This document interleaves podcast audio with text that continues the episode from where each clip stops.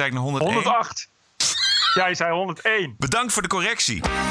This is the TPO podcast. D66-fractieleider beleeft het dieptepunt uit zijn U carrière. gebruikt een verschrikkelijk incident als aanleiding om uw eigen punt te maken. U zou zich diep, diep, diep moeten schamen. Antisemitische hesjes in Parijs. En gele hesjes bij de NOS. Wij dachten, als jullie niet naar ons komen, dan komen wij dan naar jullie toe.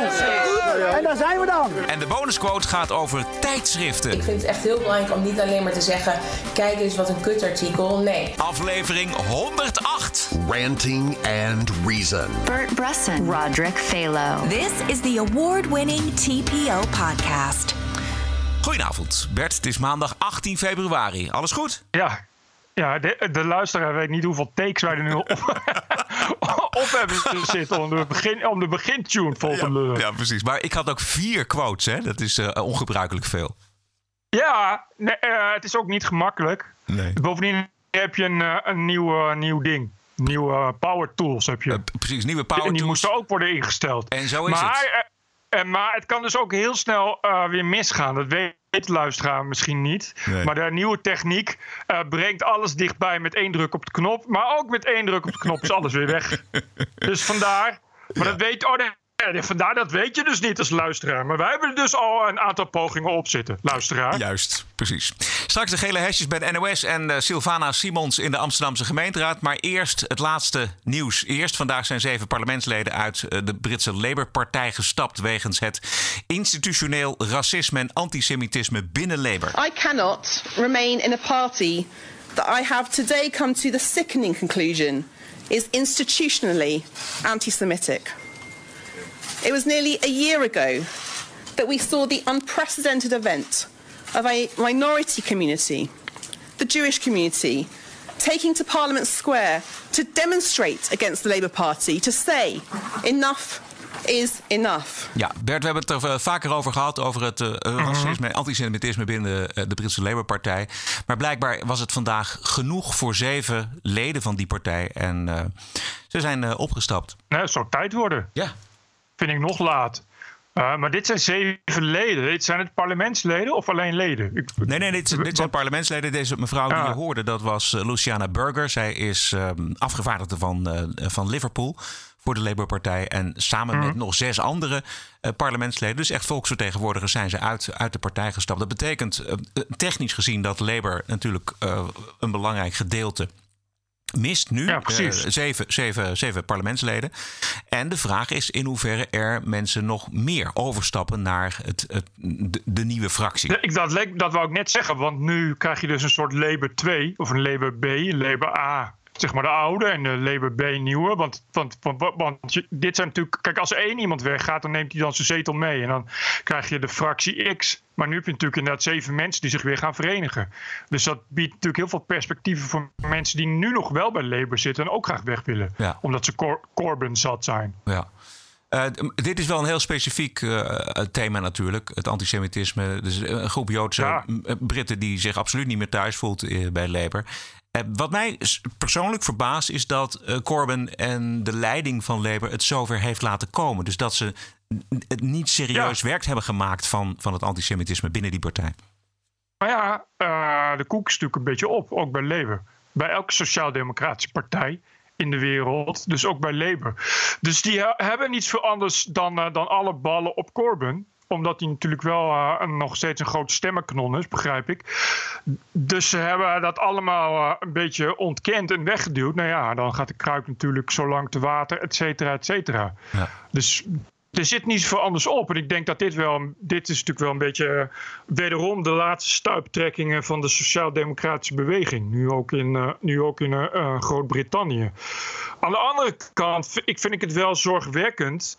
Dat is natuurlijk een beetje het nadeel wat je nu krijgt. Dat het een nog grotere aanzuigende werking gaat hebben op alles wat extreem links is. Want daar komt het antisemitisme natuurlijk vandaan. Ja, precies. Het is natuurlijk pro-Palestina en pro-islam. Ja. Maar dat was Labour natuurlijk al een beetje, maar dit is natuurlijk de, de next step. Dus, maar vooral pro-Palestina.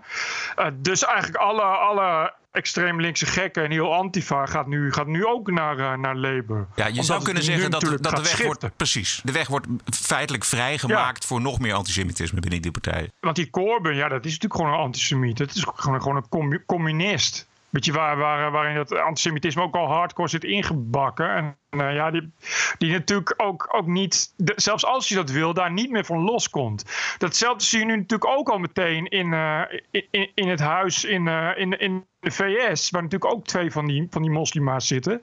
Waarvan de een nu ook al de hele tijd in opspraak komt vanwege antisemitische uitspraken. Ja, dat is niet zo gek, omdat dan natuurlijk.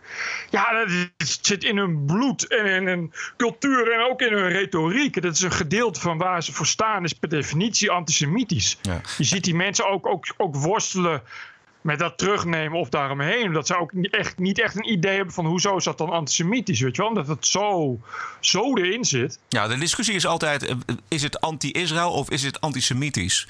Eh, vaak is het hetzelfde. En je zag het ook vandaag, of eh, ik moet zeggen afgelopen zaterdag in de straten van Parijs... waar Alain Finkielkraut, een Franse, oh ja. een Franse intellectueel, werd belaagd... Filosoof. filosoof. werd belaagd door gele hesjes met onversneden antisemitische teksten.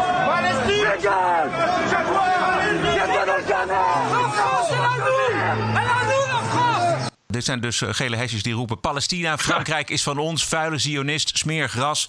De mensen zullen je straffen. Onversneden bruinhemde taal aan het adres van de Joodse filosoof uh, Alain Finkielkraut. Als je kijkt ook naar de beelden, en je hebt ze ongetwijfeld ook gezien, dan zie je het fanatisme wat er mee wordt gegeven eigenlijk met, de, met die woorden. Dan is anti-Israël en antisemitisme vallen eigenlijk samen. Ja, maar het is ook gewoon. Het is, ook onversneden antisemitisme. Ik, maar het, het, het, probleem is bij de gele hesjes in Frankrijk nu, is dat het echt alleen nog maar extreem rechts en extreem links is. Dus het is communisme en, uh, en, en echt beyond extreem rechts, dus hardcore extreem rechts. Het zijn echt militanten. Ja. En die verenigen zich in elk geval in, in de liefde voor de vernietiging van vrijwel alles. En de vernietiging van het Jodendom in het bijzonder. En dat heeft overigens een reden, omdat ze beide. Is, zit daar heel erg dat conspiracy-denken achter van de Joden. Ja, dat, is, dat zijn de bankiers. Weet je wel? De elite. Dat zijn de Joden. Dus, en, en bij extreem links strekt zich dat natuurlijk ook uit tot inderdaad de bezetting van Palestina. Ja. Maar dat is precies hetzelfde. Het zijn allemaal Hamas-vrienden. Dus het eerste wat ze zeggen is: uh, drijf alle Joden in zee. En als ze maar van de Joden af zijn. Ja, dan, is, al, dan, is, dan is alles opgelost. Ja, maar bovendien, kijk, uh, dit soort dingen komen samen omdat het over, over de hele wereld is die scheidslijn zo. Kijk, de, de Arabische wereld is natuurlijk één groot kruidvat. En dan gaat het eigenlijk gaat het de hele tijd ook daarover. Die, die, die, die, die scheidslijn is dus dat. Pro- en anti-Joods, pro- en anti-Palestina. Het is niet zo heel gek dat zich dat een weg vindt naar uh, dit soort uh, activistische gele Franse hesjes. Ja. Maar ook dus inderdaad. Ja, ik denk dat de mensen die uh, uh, op, die serieus op Corbyn stemmen, zijn voor gedeelte net zo. Dat zijn ook gewoon, gewoon communisten. Mensen die bereid zijn, als het moet, zich straks aan te sluiten bij een beweging. En als het dan militant moet worden, dan moet het maar. Overigens hebben de Franse gele dit even, even los van het antisemitisme. Uh, die leiders die zijn nu regelmatig op bezoek geweest bij uh, de Vijf Sterrenbeweging in Italië. Uh, dat baart uiteraard de Franse regering nogal zorgen. een van die leiders is laatst in zijn oog geschoten. Volgens mij moet hij echt een oog missen door, door een tragasgranaat of een rubberkogel. En die heeft nu gezegd van nou, we hebben een groep paramilitairen, ze hebben natuurlijk gewoon contacten ook met rechts- en extreem links elementen in het leger. Vooral rechts. Er zitten natuurlijk een hoop boze generaals. Die zeggen we hebben paramilitairen klaarstaan die straks bereid zijn om, uh, nou ja, om te proberen Macron af te zetten. Dus het activisme verspreidt zich uh, uh, nogal. En dat, het probleem daarvan is dat die, die Franse geheime dienst, dat zijn geen lievertjes. Uh, ik zei al laatst al tegen iemand, het is waarschijnlijk omdat ze te laat bij zijn, dat die lui nu nog niet verdwenen zijn of worden teruggevonden in de scène. En ze hebben dat natuurlijk wel aanzien. Ze hebben natuurlijk al lang aanzien komen dat er iets broeide. En die, die gele hesjes waren niet uit het niets. Maar ze zijn toch denk ik wel verrast door de enorme snelheid waarmee dit is gegaan. Waarmee die gele hesjes zijn opgekomen en, en, en dat aanhouden. Dus ze hebben die geheime dienst heeft natuurlijk een hoop lui onder, undercover bij dat soort hashjes zitten. Ja, maar ja, ja, precies. Het is natuurlijk een beetje te laat nu allemaal. Ja, een trouwcorrespondent uh, Kleis Jager die twitterde gisteren dat volgens Fico Kraut zelf het gespuis een soort mix is tussen extreem links, mensen uit de banlieue en ja. aanhangers van de antisemitische activist Alain Soral. Ja. Soral ja. is, is een voormalige communist die is overgestapt naar extreem rechts. En die overigens vorige maand is veroordeeld tot een jaar gevangenisstraf wegens racisme en antisemitische uitspraken. En de bruinhemden in, in de gele hesjes met religieuze baarden hebben we ook kunnen zien. Kon op de waardering rekenen van de bezige bij-auteur Abu Jaja. die Vinkelkraut uh, via Twitter een scheidzionist noemde. Oh. Nou, dat doet hij dagelijks honderd keer. Dus wat dat betreft zal Finkelkraut daar minder van de indruk zijn dan die aanval, lijkt mij. Ja. Ja, kijk, dit, kijk, Abu Jadia is natuurlijk een prototype agitator. En dit soort mensen staan aan de basis van, van de gele hesje Frankrijk zoals ze er nu zijn. Weet je, het waren de eerst waren het gewoon boze burgers. Wat natuurlijk Finkelkraut van harte toejuicht. Omdat het natuurlijk gewoon een democratisch proces is. En wat er nu overblijft zijn dit soort lui. Daar is echt, echt Abu Jadia is, is daar goed dat je hem bezige bijauteur noemt. Uh, Abu Jaja is natuurlijk altijd een, een pedant van geweest. Van, van, van puur hardcore, echt, echt gemeen activisme. Dit is echt, ja, werp, werp het bestel om. Ja. En dit soort mensen, uh, uh, ja, die, die, die, die houden volgens mij ook wel echt die, die gele hesjes samen. Ik zei al, ze zijn ook in Italië zijn ze gesignaleerd. Dus alle activistische politici in, in Europa hebben daar inmiddels wel een handje in. Dus nog, nog, even over die Vico Kraut. Eh, een goede vriend van mij die woont in Parijs en die uh, kijkt veel televisie. Er was ook uh, naar aanleiding van de gebeurtenissen mm van afgelopen zaterdag weer op televisie. Um, ik, ik heb wel eens wat van hem gelezen. Uh, het, het, is een man die de discussie scherp aangaat. vroeger zat hij gewoon bij zijn vrienden aan de linkerkant. tegenwoordig wat meer conservatief rechts. Hij is wel uh, realistisch. Hij mengt zich dus in de discussie, in het debat. Maar wat mij vooral um, op het op netvlies staat, is het fanatisme op het gezicht van die mensen. Nou, het is wel zorgwekkend natuurlijk. Dat, dat die haat zich nu richt op zo'n keurige uh, intellectueel. Weet je, als Finkelkraut. Ja. Ik, ik, als je woede. Maar goed, ik, ze kwamen hem toevallig tegen. En uh, ik neem aan dat dat is natuurlijk wel een beetje de vraag of, uh, of, dat, of zoiets nou wel of niet georganiseerd is. Het zal me niks verbazen als dat dus uh, mensen achter zitten die dus zeggen: je moet hem aanvallen. Want dat is een bekende intellectueel, hier krijgen we pers bij. Ja. Ik kan me echt bijna niet voorstellen dat je zo iemand dan toevallig tegenkomt. En dat, je, dat dit soort mensen dan denken: oh, dat is Finkelkraut. Die, die lees ik altijd zo. Weet je wel? Het zijn volgens mij allemaal, allemaal een beetje uh, ongeletterde nono's. Dus er zit natuurlijk weer iets achter. En dat is ja. En dat is een beetje gevaarlijk. Om, Omdat ze dit soort dingen. Ze gaan dus nu echt op zoek naar, naar de juiste slachtoffers. Wat, wat ik me nog kan herinneren van een paar jaar geleden. Toen waren, het was uh, volgens mij ook de, dat plein bij de Bastille was bezet door. Nou, volgens mij Occupy-achtige uh, mensen. En toen heeft hij zich daar ook laten zien. En toen is eigenlijk precies hetzelfde gebeurd. Toen is hij ook uh, van het plein afgeschreeuwd en geduwd. Daar zijn ook beelden van. En ik heb daar toen nog eens een keer voor, voor RTL Z een, een column over geschreven. Over de agressie van links-extremisten. Dit overkomt hem dus vaker. Zo, typisch zoals het hoort. Ja. Weet je, zo ging het altijd ook bij communisme. Dus zo gaat het hier ook. Er zitten mensen achter die dit, die dit regelen en die dit organiseren. Dit is natuurlijk al lang niet meer uh, een opstand van boze burgers. Dit is politiek gemotiveerd semi- of proto-geweld. Ja, hier, mensen... zit, hier zit organisatie achter. Exact. Ja. Exact. En dat, dat, is, dat vind ik wel zorgwekkend, omdat. Uh, ja, je, je, je weet toch niet een beetje wat, wat er gaat gebeuren. Uh, Frankrijk is natuurlijk een heel verdeeld land en er zijn een hoop facties. Dus, dus, dus voor de ene, als de ene opkomt, zal de andere ook opkomen. Maar ik vind wel altijd dat het is toch de laatste jaren. Uh, ja, weet je, uh, Frankrijk was toch altijd een beetje het land waar dan de burgeroorlog zou gaan beginnen, zal ik maar zeggen. En dat als je dan zo'n uitspraak hoort van, van, van we hebben paramilitairen. En, en je weet dat er ook al, al generaals en oud-generaals ook al dit soort brieven hebben geschreven naar Macron. Dat hij moet opstappen en weet ik wat. En denk je toch van. Ja. ja. Ja. Had jij sympathie voor deze beweging? Nou, in het begin wel, omdat het natuurlijk gewoon inderdaad middenklasses zijn. Die, die, die continu gepakt worden en die, die niet weten, die niet begrijpen. En uh, terecht uh, hun zorgen uiten en terecht zeggen van ja, nou, nou moet ik weer brandstofprijzen gaan weer omhoog. Voor iets wat, wat ik ook al niet snap, want voor het milieubeleid. En nu worden er weer allemaal hervormingen doorgevoerd die ik ook al niet wil. En ik heb al twee banen en verdien nog steeds niet genoeg. En ik kan nergens wonen, dus dat begrijp ik wel. Weet je, die eerste 300.000 gele hesjes waren ook dat. Maar het probleem is, en dat kun je echt op je vingers natellen, is dat het heel snel gekaapt wordt. En dat is altijd zo gegaan. Dat was bij Occupy net zo. Dat is de reden waarom, waarom Winkelkraut toen ook is uitgehuwd. Het wordt heel snel overgenomen door wazige complotgekkies en door rare extremisten. En dat zijn, die mensen hebben helemaal geen tolerantie. En die willen ook helemaal niets. Die willen, die willen actie en die willen vernietiging. Ja. Weet je, en dat is het probleem. Ja. Dat is Frankrijk. Ehm, in Nederland uh, waren er ook gele hesjes, keurige Nederlandse gele hesjes, naar het Mediapark getogen met de leus NOS fake news. Jullie laten de stenen gooien de mensen in Parijs, laten jullie zien. Maar het feit dat er, dat er 300.000 mensen vreedzaam demonstreren, daar hoor je helemaal niks over. Wij hier in, Nederland zijn al sinds begin december zijn we hier bezig. Mhm. We hebben ons één keer heb je ons op het journaal gezien en dat was omdat er iemand was uh, gearresteerd in Den Haag. Als er een steen gegooid wordt, zijn jullie als de kippen bij. Als ik daar sta te blauwbekken met de folder dat ik een binnen het referendum wil, dat ik een eerlijke verdeling van de welvaart wil, of dat de, dat de ziekenhuisomvallen terwijl de banken gered worden, dan zijn jullie er niet. Dan hoor ik helemaal niks.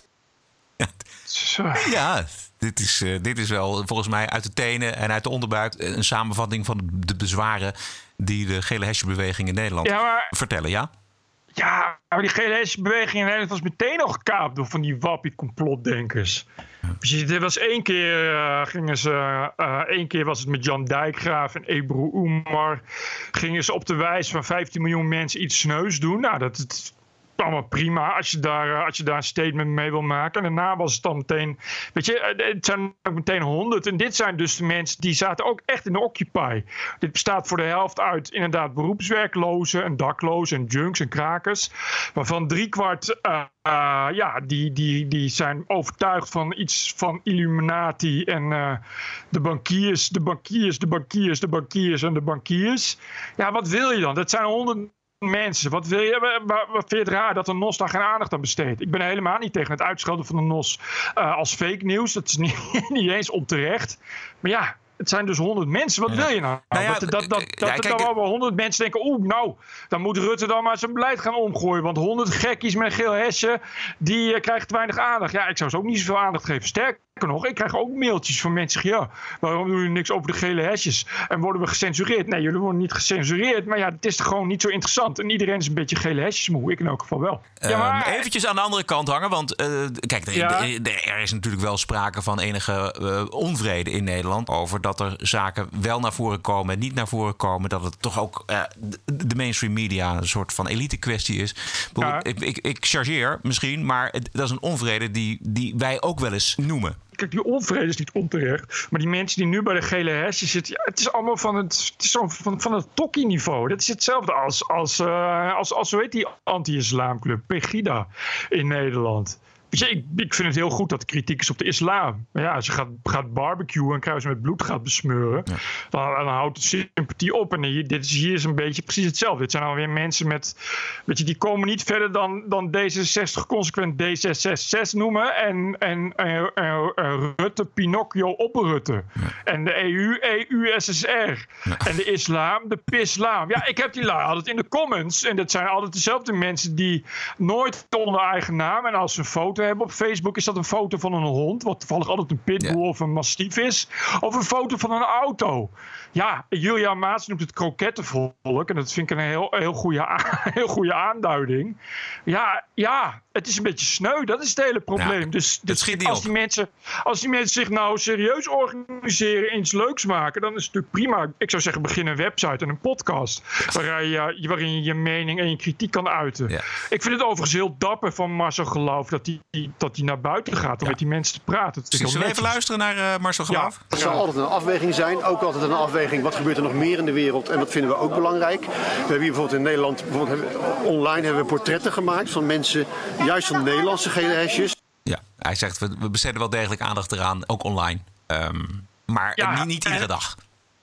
Nee, en het is bovendien zo. Kijk, het 8 uur journaal. Ja, iedereen die dat kijkt kan wel een beetje zien dat de onderwerpen inderdaad niet per se het grote nieuws zijn. Eh, dus weet je, maar goed. Zelfs als het niet zo is. Uh, zelfs als het uh, nationaal elke dag fantastisch was, wat niet zo is. Maar stel dat het zo was, dan nog zou je denken: ja, maar wat, wat moet je met die gele hesjes? Dan krijg je dus inderdaad. Ja, de gele hesjes lopen weer over de Erasmusbrug. De gele hesjes zijn met z'n honderden aan demonstreren. Er gebeurde verder niks. Oké, maar weet je, ja, ik zou het ook niet brengen in het journaal. Dan moet je dan, en dat moet je dan wel eerlijk ook accepteren. Dan moet je als, als je dan in zo'n beweging zit, moet je ook wel de zelfreflectie hebben om te zeggen: ja, maar ja, het is ook niet zo heel nieuwswaardig wat we doen. Want de eerste keer is dat nieuwswaardig en de tweede keer nog een beetje en de derde keer niet meer. Ja. En in, in, Frankrijk is het nieuwswaardig omdat daar geweld wordt gepleegd. Nou kun je geweld gaan plegen, dat kan ik ze dan niet aanraden omdat het heel weinig zijn. Dus ze zullen ook wel weer heel snel door de politie opgerold zijn. Ja, ja, je moet dan gewoon accepteren dat je niet nieuwswaardig bent. Dat is toch niet zo heel raar dan? Ja, dat is moeilijk uit te leggen uh, aan die mensen die echt het gevoel hebben dat ze voor iets strijden. Wat, wat, of, of iets aankaarten wat heel erg belangrijk is. Uh, maar ja, goed. Ik vond de suggestie van jou wel goed om een eigen podcast te beginnen. En uh, op die manier aan de bel te trekken. Het is echt zo, en dat wil ik die mensen ook nageven. Je, je, bent echt niet alleen. Er zijn heel veel mensen die, die kritiek hebben op de NOS en op de regering, op de elite en op de media. Dat doen wij ook. Weet je, maar wij worden ook niet elke dag alleen maar door iedereen gehoord. Dat moet je dan wel accepteren. Het is een democratie. Daarin kun je je, je stem laten horen. En er zijn heel veel mogelijkheden om dat te doen. Internet is daar één van. Je kunt gaan demonstreren. Dan kun je naar de geel hesje aantrekken. Dan val je op. Dan kun je dan elke zaterdag doen. Nou, hartstikke goed en zo. Je moet wel accepteren dat, dat, dat er maar heel beperkt naar je wordt geluisterd. Omdat er nog heel veel meer mensen zijn met grieven en meningen. Uh, en dan moet je jezelf organiseren. Kijk naar het Forum voor Democratie. Je moet niet vergeten dat Thierry Baudet nog niet zo heel lang geleden gewoon maar een onbekende intellectueel was. Met een forum, dus mensen, gelijkgestemde mensen die elkaar een beetje gingen babbelen over, over, over de Europese schuldenberg. Ja. Weet je, dus, dus als je het goed doet kun je een hoop komen. Als je het niet goed doet, dan niet en zo. Maar dan moet je het wel accepteren. All right.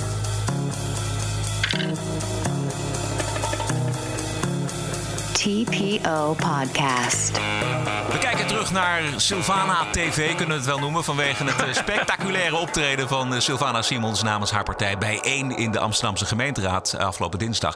Even heel kort wat er aan vooraf ging. Simons die had een debat aangevraagd naar aanleiding van de zelfmoord van een man in de buurt van de Nederlandse Bank. Die man die zocht bewust met een nepwapen de confrontatie met de politie. Hij werd daarbij gedood doodgeschoten, zogenaamde suicide by cop. Het, het, onderzoek naar dat schietincident dat is nog in volle gang. Maar Simons die wilde van het college tekst en uitleg over dit quote, buitensporige en onnodig politiegeweld. De betrokken politieagent die voelde zich genoodzaakt hierop te reageren met een brief in de krant. Uh, er werd ook een tweet van een deeltijds raadlid van bijeen, de transgender Vreer Verkerken. Bijeen, uh, Bert heeft één zetel, maar ze, die delen ze met z'n vijven volgens mij. Ja, het is duo raadslid. Ja, ja, duo. Maar ja, dat duo is twee. Maar dit zijn er dus volgens mij vier of vijf. Maar die ja. Vreer, die Vreer Verkerken, die had SP-raadslid Nicole Temming in een tweet uh, geantwoord dat er 21 kogels tegen een onbewapende man toch wel duidt op slechte training. En dat uh, uh, Nicole Temming makkelijk praten had als witte cisvrouw. Oftewel een witte vrouw die zichzelf ook als een witte vrouw ervaart.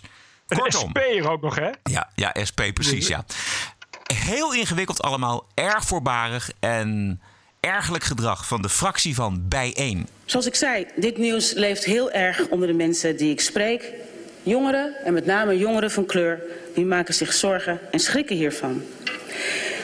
Is het Meneer van, de, meneer van den Burg was eerst. Meneer van den Burg. Um, met ieder woord wat uit de mond van mevrouw Simons komt, maakt ze het verhaal echt erger. Want ze is hier nu volledig aan het insinueren richting niet alleen ons, want dat interesseert me niet, maar via ons en via de camera's en via de media is ze aan het insinueren dat mensen zich zorgen hebben te maken als je te maken hebt met het Openbaar Ministerie, als je zorgen hebt te maken met de politie en daarbij suggereert ze ook nog dat kleur daarin een punt is. En ze knikt de notenbenen bij. Ze knikt de notenbenen. Voorzitter, ik knik daar inderdaad bij. Mag Mevrouw Simons, u moet zich kapot schamen. U bent verantwoordelijk voor die agenten die namens u op straat staan en die u hebben te beschermen. En die het ook de afgelopen jaren hebben gedaan omdat de klootzakken waren die u bedreigden. Dat hoort niet. Die agenten die stonden voor u, die staan voor ons, die staan voor alle burgers. En dat u hier de suggestie doet dat zwarte mensen bang horen te zijn voor politieagenten is walgelijk. Ja, dat was toch een sterk optreden van eh, de VVD-fractievoorzitter Erik van den Burg. Nou, dat had hij goed gezegd. In, zijn 30-jarige carrière is het eindelijk een keer dat je zegt van zo. Ja, dit was van dit is, nou, dit is geen kleinigheid. Juist. Ja. En, en terecht. Ik denk dat ik het, het hele debat wel iets van drie of vier keer heb teruggezien. Ook, ook voor de quotejes in, in, voor de TPO-podcast. En, en het, eh, het amusante was, en het gênante meteen, was ook dat ze het allemaal niet door had. Dat ze er zo naast zat. Ja, ik, dat kan ik me gewoon niet voorstellen, toch? Ik, dat, dat weet ze toch? Volgens mij is het gewoon bewust. Deze vrouw doet alleen nog maar dit soort dingen bewust. Ik bedoel, die, die weet toch wel dat ze ernaast zit? denken? Ja.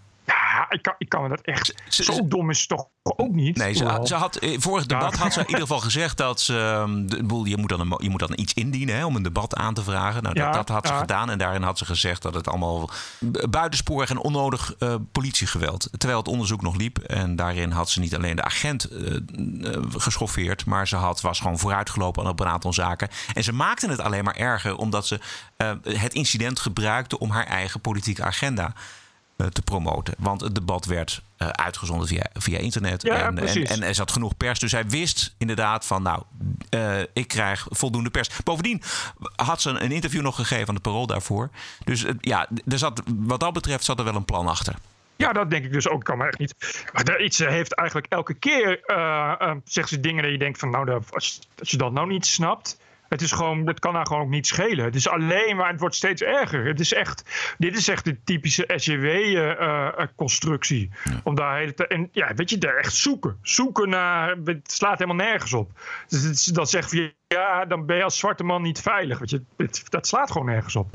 Geen enkele, geen enkele, ook geen enkele connectie. Maar dat weet ze zelf ook wel. Ze, ze gebruikt alles, ze grijpt alles aan om dit soort dingen te zeggen. Precies. De man die was neergeschoten was een blanke Amsterdammer.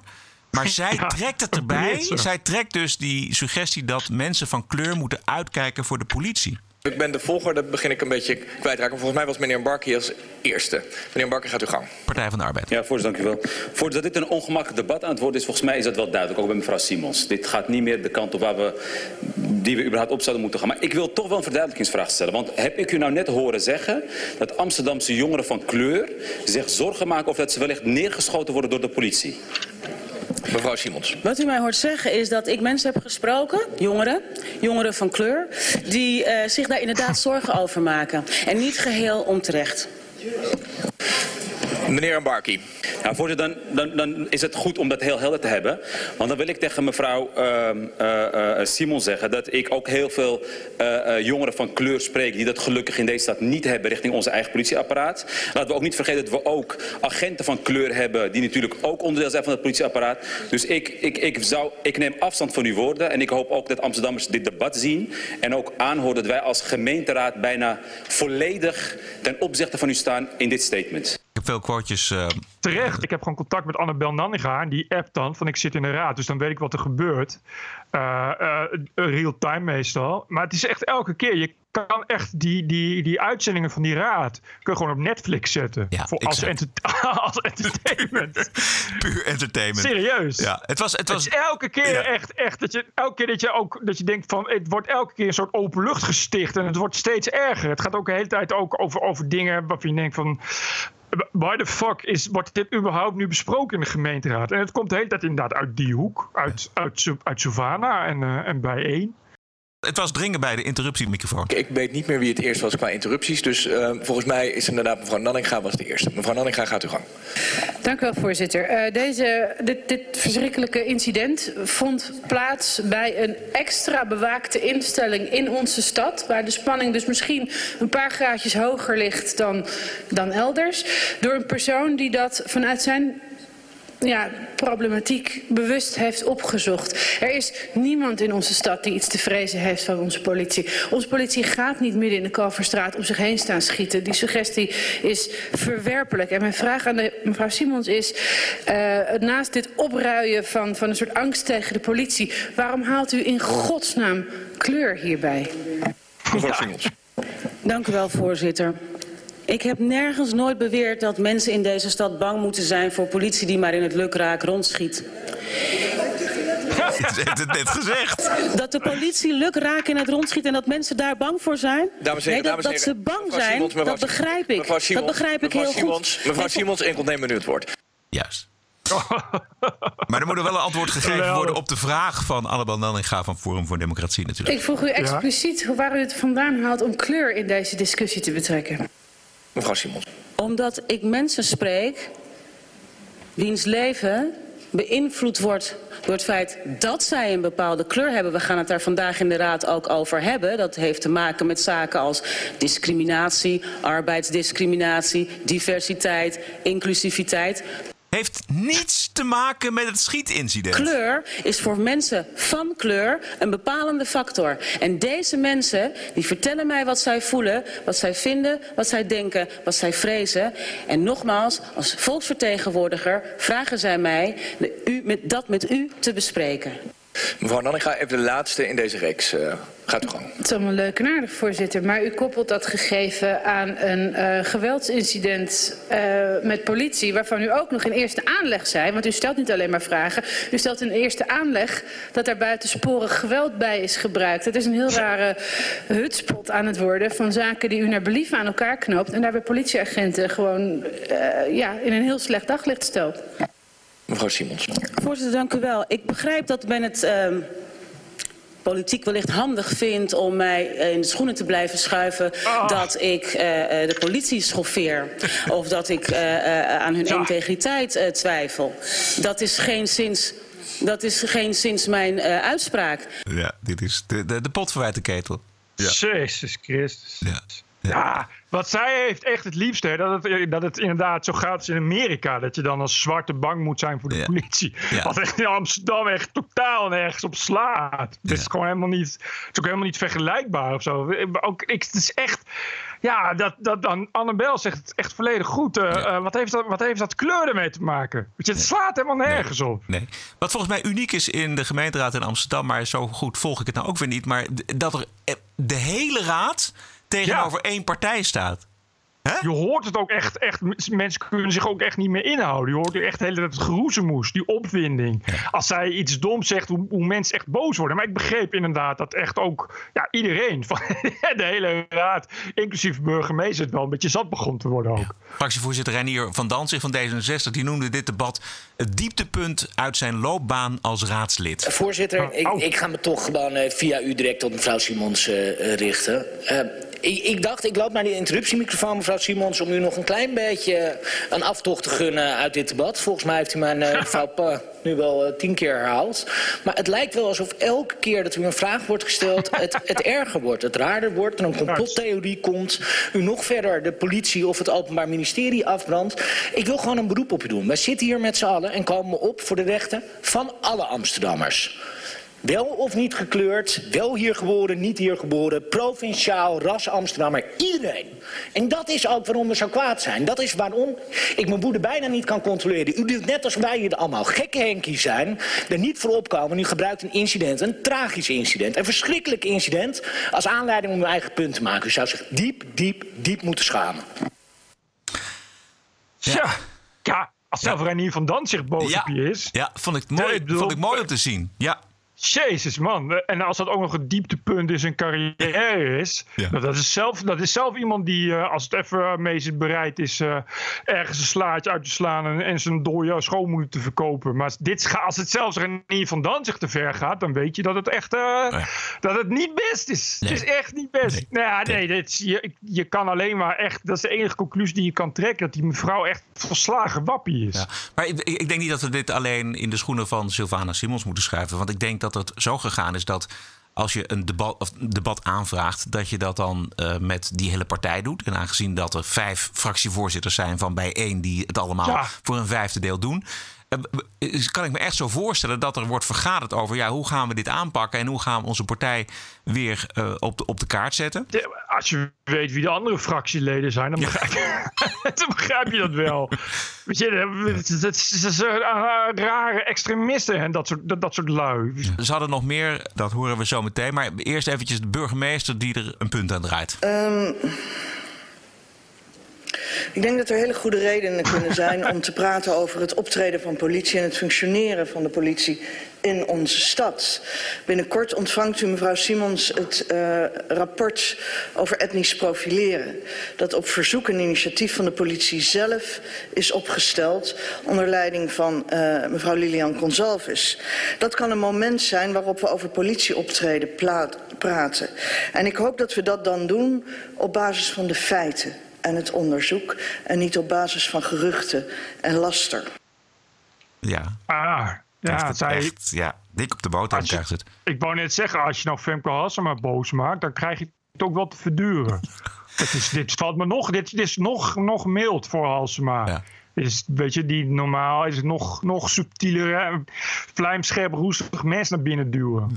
Dus, maar die subtiliteit, de subtiele woede voel je hier wel onder, ja. Eh, Sylvana eh, had nog meer in de koker. Bijeen wilde de LHBT-geschiedenis opnemen in het onderwijskanon op de Amsterdamse scholen.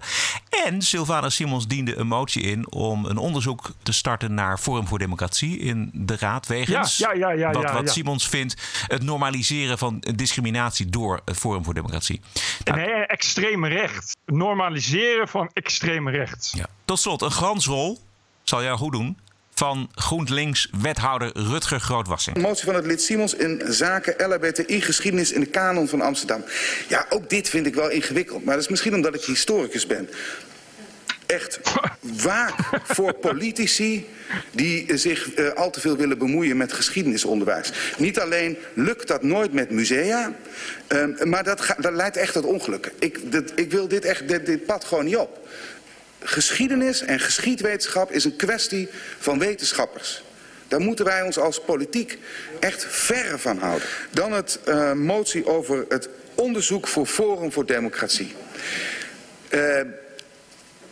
Ja, daar heb ik wel echt hele grote bezwaren tegen. Ehm, nog afgezien van dat u al een conclusie lijkt te hebben eh, getrokken... vraagt u het college om een onderzoek te doen naar een politieke partij. Ik vind dat echt oneigenlijk. Dat moet u niet aan ons vragen. Als u deze mening bent toegedaan, dan, is, dan moet u aangifte doen. En dan moet u op een andere manier eh, eh, eh, optreden tegen de partij die u op het oog hebt. U moet niet aan ons vragen onderzoek te doen naar wie dan ook. Dat past gewoon niet in de democratische rechtsstaat. Ja, vond ik goed van eh Grootwassing. Ja. Ja. Nou, daar zijn we er. Nou, nou zijn we het met, met zowel Halsema als Wassink als, als die, die, die dude van eh, D66, Ranier van Danzig eens. Dat moet toch wel genoeg zeggen. Dat is toch wel dat Sylvana Simons inderdaad echt verbroedert en verbindt, zal ja, ik dat, maar zeggen. Ja, dat doet ze heel goed inderdaad, het verbinden. Het grappige overigens is dat eh, de fractievoorzitter van Forum voor Democratie in de gemeenteraad, Annabel Nanninga, eh, het voorstel steunde. Ja, ja, Ja. ja, de hele raad, de hele fractie is voor. Die zijn dolblij als er een onderzoek komt, omdat ze uiteraard weten dat het niet zo is. en dat ze daarmee dus uh, Sylvana Simons nog wel eens een keer eh, iets onder de neus kunnen wrijven, zal ik maar zeggen. Dus dat was wel, dat was wel heel lollig, dat die, dat die meteen zeiden, ja, dat moeten we doen. Laten we dat doen. Dat zou inderdaad een heel goed idee zijn. Bert, volgens mij zit ze nog niet zo heel lang in de raad, eh Sylvana Simons, dus we kunnen nog een hoop lol eh, aan de beleven volgens mij. Hmm. Dat denk ik ook. Dus het gaat of twee wegen. Dit, dit, dit gaat eh, de hele tijd zo door. Ofwel ze stopt ermee. Dit is natuurlijk ook wel zo iemand die op een dag zegt... Nou, ik heb een burn-out en ik kan het echt niet meer, weet ik veel wat. Dan heeft ze weer een van de smoesje. Ja, maar dan Eh, wordt het nog leuker, want dan krijgen we misschien uh, Vreer krijgen we als Wou ik net fractievoorzitter. zeggen. Wou ik net zeggen, dan wordt het dus nog grappiger. Want dan gaat iemand anders uit die fractie doen. En dat is waarschijnlijk nog erger dan Sylvana. Eh, hoe dan ook kun je er eigenlijk wel donder op zeggen dat dit niet een heel lang leven beschoren is. Ik denk dat eh bij 1 in Amsterdam niet weer zetels gaat halen ooit. TPO Podcast. Zondag zat D66-minister Sigrid Kaag ongevaarlijk bij Buitenhof. En daar hoorden we toch wat nieuws. Het kabinet zet in op bestrijden van grondoorzaken. Eerste is armoede, gevolgen van klimaatverandering en ook irreguliere migratie. Maar ik, ik word wel eens de minister van Hoop genoemd, want ik kijk naar het perspectief. ik dat een compliment kansen eigenlijk? creëren. Ik denk het wel. Ja, minister van Hoop. Noem jij de minister zo? Heerlijk. Ja, ik ben dolblij met de minister van Hoop. Ik vond dat Nederland echt toe was aan een minister van Hoop. Maar wie, noemde, wie heeft haar minister van Hoop genoemd?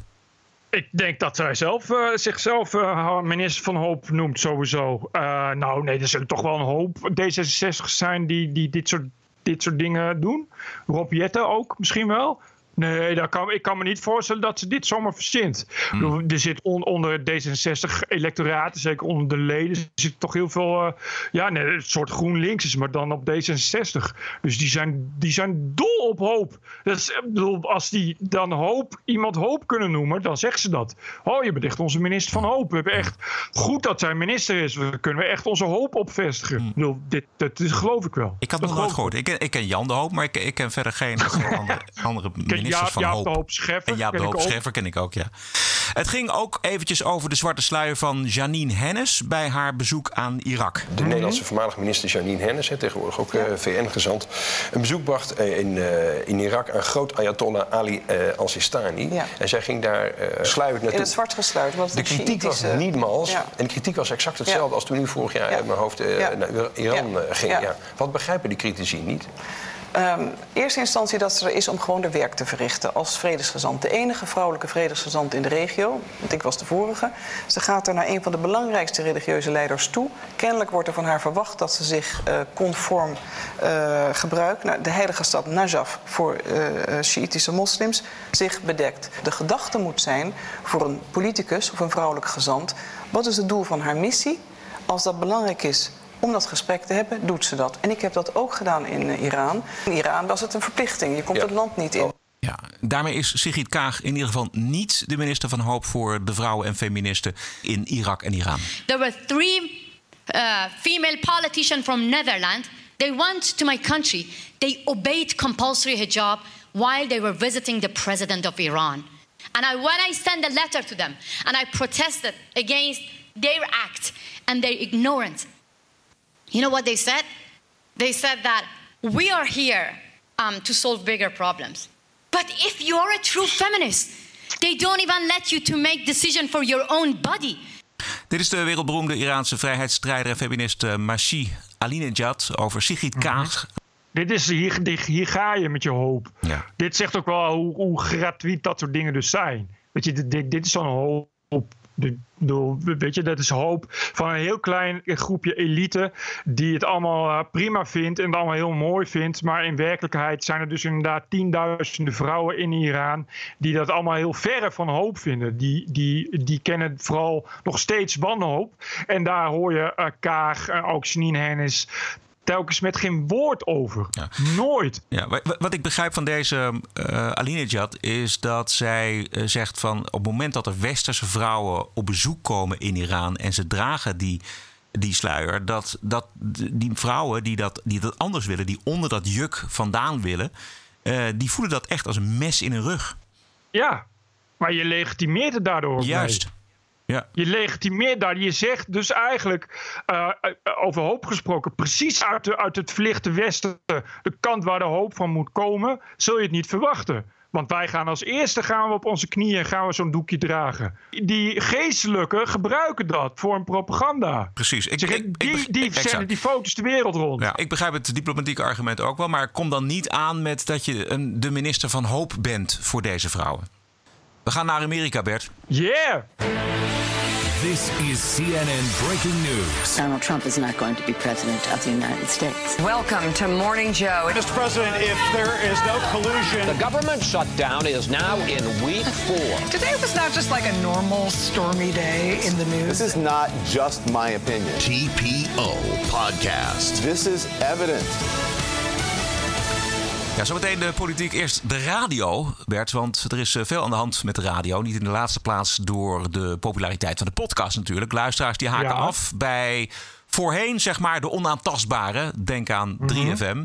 En in Amerika leidt dat tot grote veranderingen. Michael Savage die moest al uh, vertrekken, deels vertrekken van, uh, van WABC in New York. Hele radiostations yeah. die worden verkocht. Uh, binnenkort gaat na 48 jaar in New York de stekker uit WPLJ.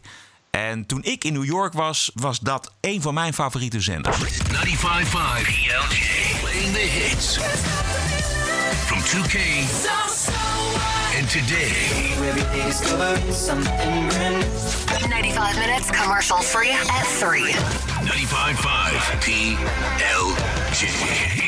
Ja, yeah. en uh, de Edwin Evers van PLJ, dat was Scott Shannon. Eigenlijk is het natuurlijk mm -hmm. andersom, want deze Scott Shannon die heeft uh, een gigantische invloed gehad op de radio in de hele wereld. Hij is ja, namelijk precies. de bedenker van uh, het format van de discjockey met de sidekick en de gezellige chaos en de telefoongesprekken. In Nederland voor het eerst gekopieerd door Curry en Van Inkel.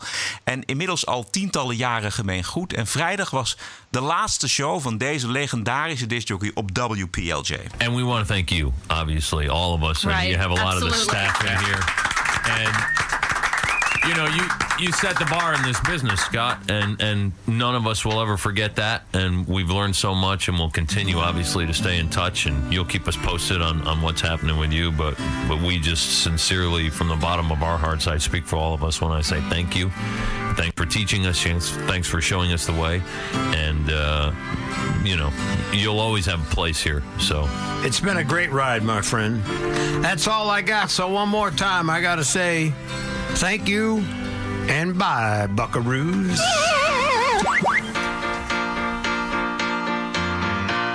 Thank you for being a friend. Ja, en wat is nou de toekomst, Bert? Podcasting is the TPO podcast in the Netherlands. Bert and Roderick. What a show. I'm telling you. Exactly. That's it. exactly. Ja. Dat komt, eh, ik las vandaag dat eh, Talk Radio weer eh, naar Nederland komt. Vertel. Mhm, eh, Richard Otto, oh, ik ben, ik ben best achternaam kwijt. Ja, een media-ondernemer. Richard Otto was ook verantwoordelijk voor die award, eh, eh, die podcast award die wij hebben gewonnen. Ter- Die we twee keer gewonnen. Jij hebt hem eh, één keer gewonnen en wij. Eh, die, die is media-ondernemer en die wil dus nu, eh, die is nu, dat gaat definitief door, gaat die Talk Radio weer opstarten.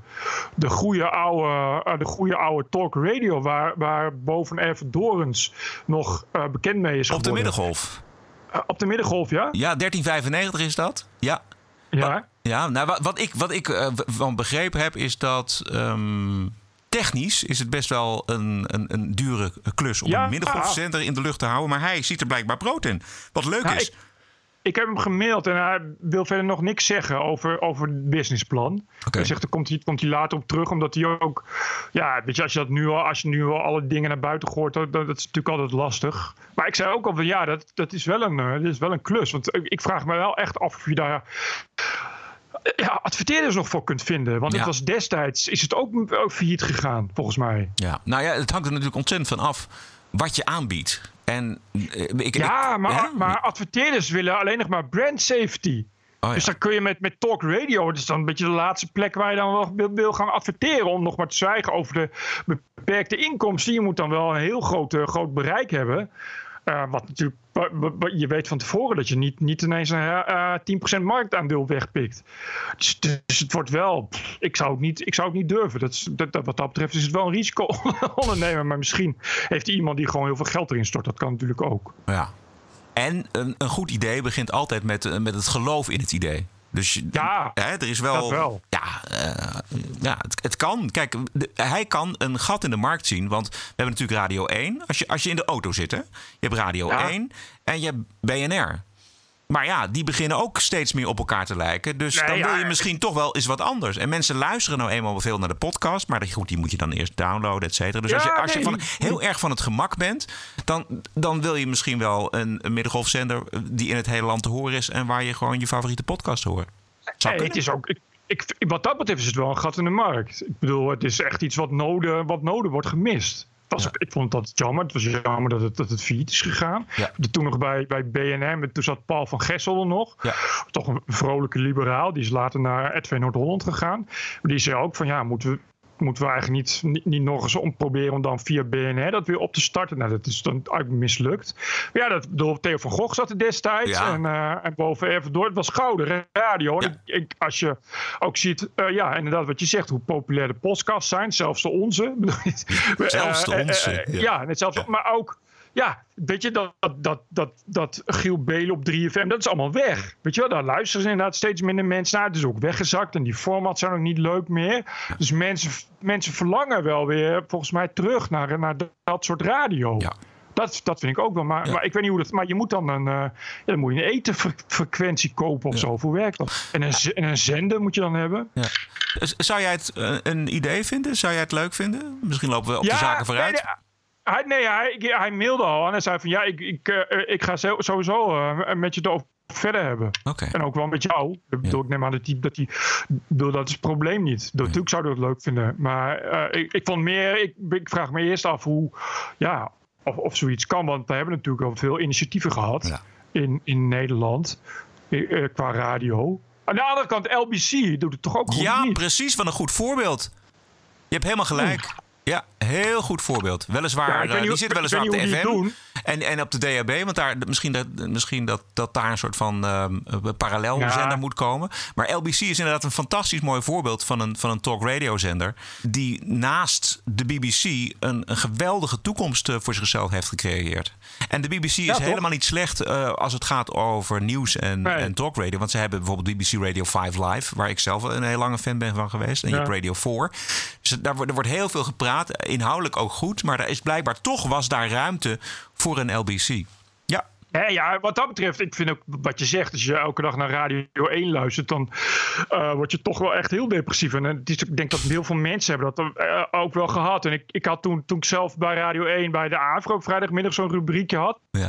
had ik toen ook zeg maar veel fans die zeiden van, goh, wat leuk. En wa- waarom doen ze dat niet vaak op de radio? Weet je wel? Iets, iets, an- iets anders. Dat Iets mensen zeggen, anders. eindelijk weer een verfrissend geluid. Want je hoort natuurlijk op die radio 24-7, zeker op de Nederlandse FM-radio 24-7, hetzelfde deugende, keurige geluid wat in een concept zit. Dus, dus ik weet zeker dat, daar, dat er publiek voor is te vinden. Maar ik weet niet wat, wat korte golf betekent. Dat kan niet iedereen ontvangen. Nou, of middengolf is het.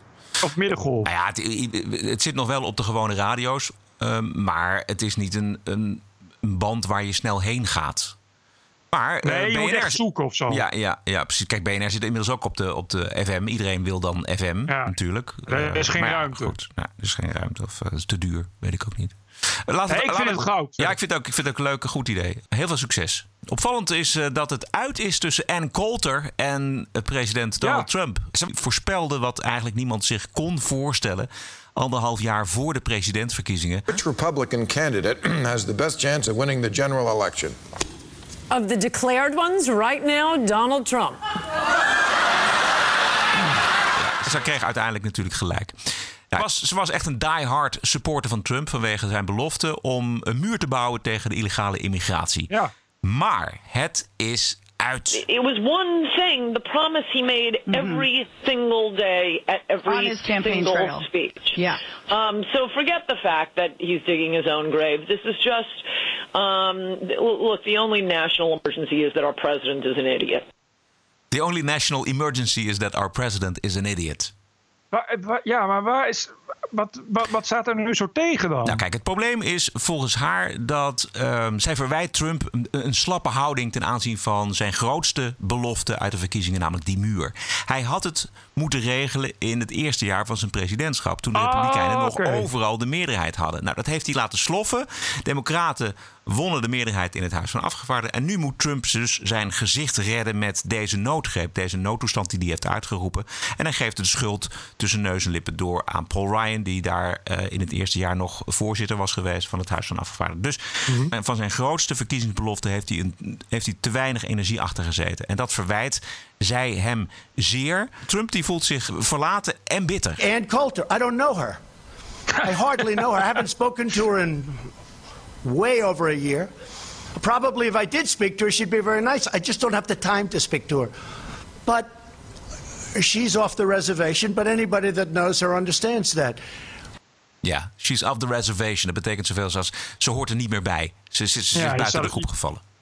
Je staat op de shitlist. Ja, je staat op de shitlist. Ja, terwijl die, die vrouw is zo radicaal als een steenpaar. Ja, Dus ik zeker. snap, ik snap niet helemaal. Ze vindt het gewoon te laat, zeg maar. Ja, zij zei Dat denk het gaat niet gebeuren. En hij, noodtoestand gewild. precies, hij krijgt nu eh, wel wat meer geld, maar daarmee gaat hij natuurlijk absoluut niet die hele muur bouwen. Dus hij heeft er gewoon te weinig gewicht achter gezet. En dat, dat verwijt ze hem. En zij heeft dat altijd geloofd. Hij, dat gaat hij doen. Nou, zij is buitengewoon teleurgesteld in hem. Dat hij dat dus uiteindelijk niet gaat doen. Dat het niet gaat lukken. Ook niet met die, met die noodtoestand. Nee, toch? Nee. Ik heb daar, ik, het, het is, het is net, inderdaad net even helemaal niks meer. Maar het grappige is dat ze nu dus overal wordt uitgenodigd bij eh, shows, tv-shows. Van eh, eindelijk weer een criticaster, een flinke ook. Een vroegere vriendin van Trump, eh, die veegt de vloer nu met hem aan. Maar ja, het argument is natuurlijk verre van progressief. Ik wou net zeggen, die vrouw is nog steeds niet progressief of zo. Nee. Het is echt. Nee. Ja, het is. Nou ja, kijk. eh, het is natuurlijk, natuurlijk een vrouw die, die, die in elke radio-televisieshow niet meer staat. Want ze doet alleen maar, alleen maar rabiate uitspraken. Dus wat dat betreft. En ze zal nu inderdaad over Trump ook wel. Dus ja, dat deed ze dus al. Weet je, de grote noodtoestand is dat hij werd geboren. hoor. Eh, eh, ja, dus ze zal on, on- onophoudelijk nu Trump gaan bashen. Wat dat betreft. Dus dat vinden die programma's allemaal prima. We gaan naar de bonusquote. TPO Podcast.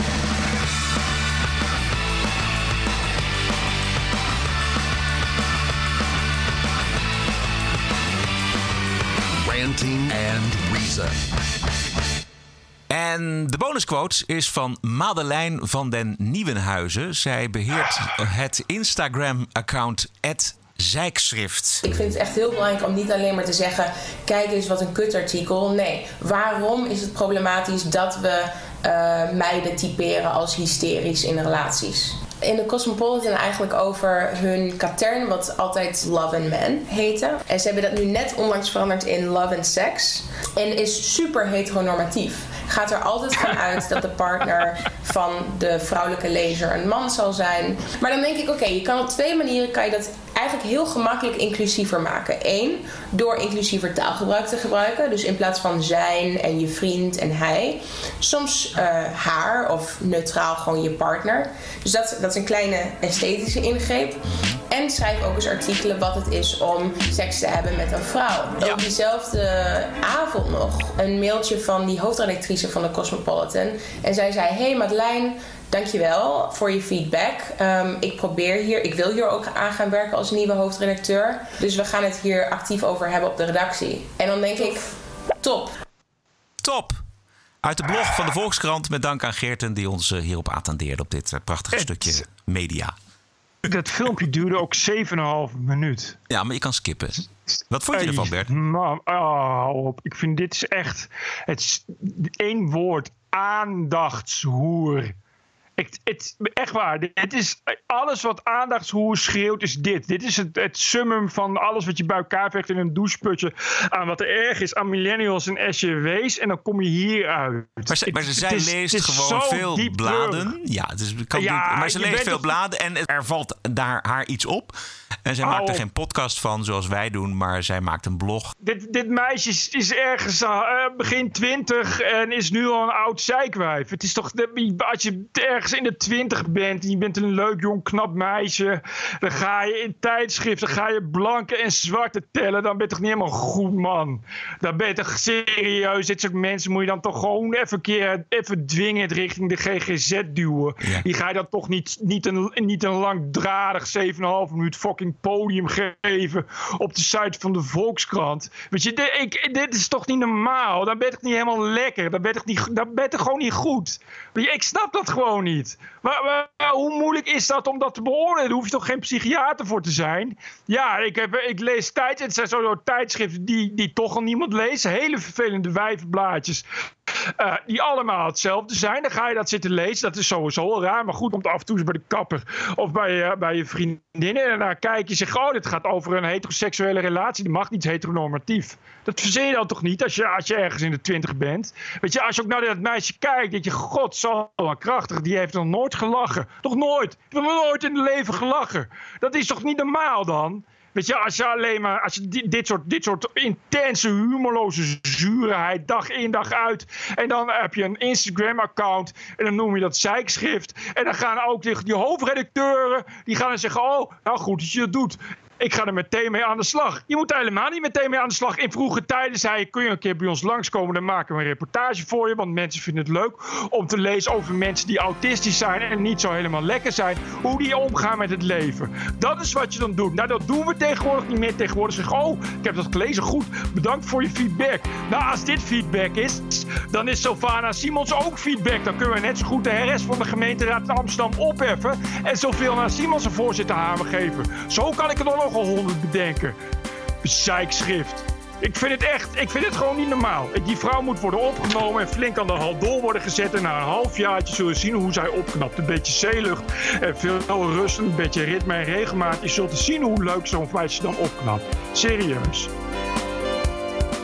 Het is eh, de laatste tijd wat dun gezaaid met de donaties. Wij blijven investeren in de podcast, omdat we het eh, ja, gewoon heel erg leuk vinden om te doen. We hebben ook geen adverteerders, dus eh, die willen we ook niet om onafhankelijk te blijven. Dat kunnen we blijven doen met uw steun. En misschien denkt u... En dan denk ik, top. Ga naar tpo.nl slash podcast. Daar kunt u een bedrag doneren wat staat voor de waarde die u deze podcast uh, voor u heeft. En misschien is dat een tientje, misschien is dat 100 euro, misschien is dat meer. Dat is helemaal aan u tpo.nl slash podcast. Wij zijn terug, Bert, dinsdag 26 februari. Heb een mooie week en tot dinsdag. Tot dinsdag. Had je nog wat? Nee. TPO Podcast. Bert Bruson, Roderick Balo. Ranting and Reason.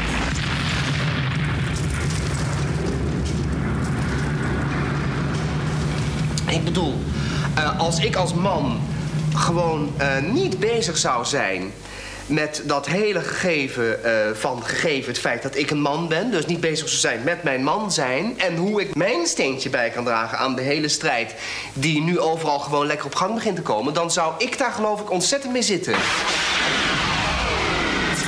TPO Podcast. The award winning TPO podcast can be heard on the No Agenda stream at noagendastream.com.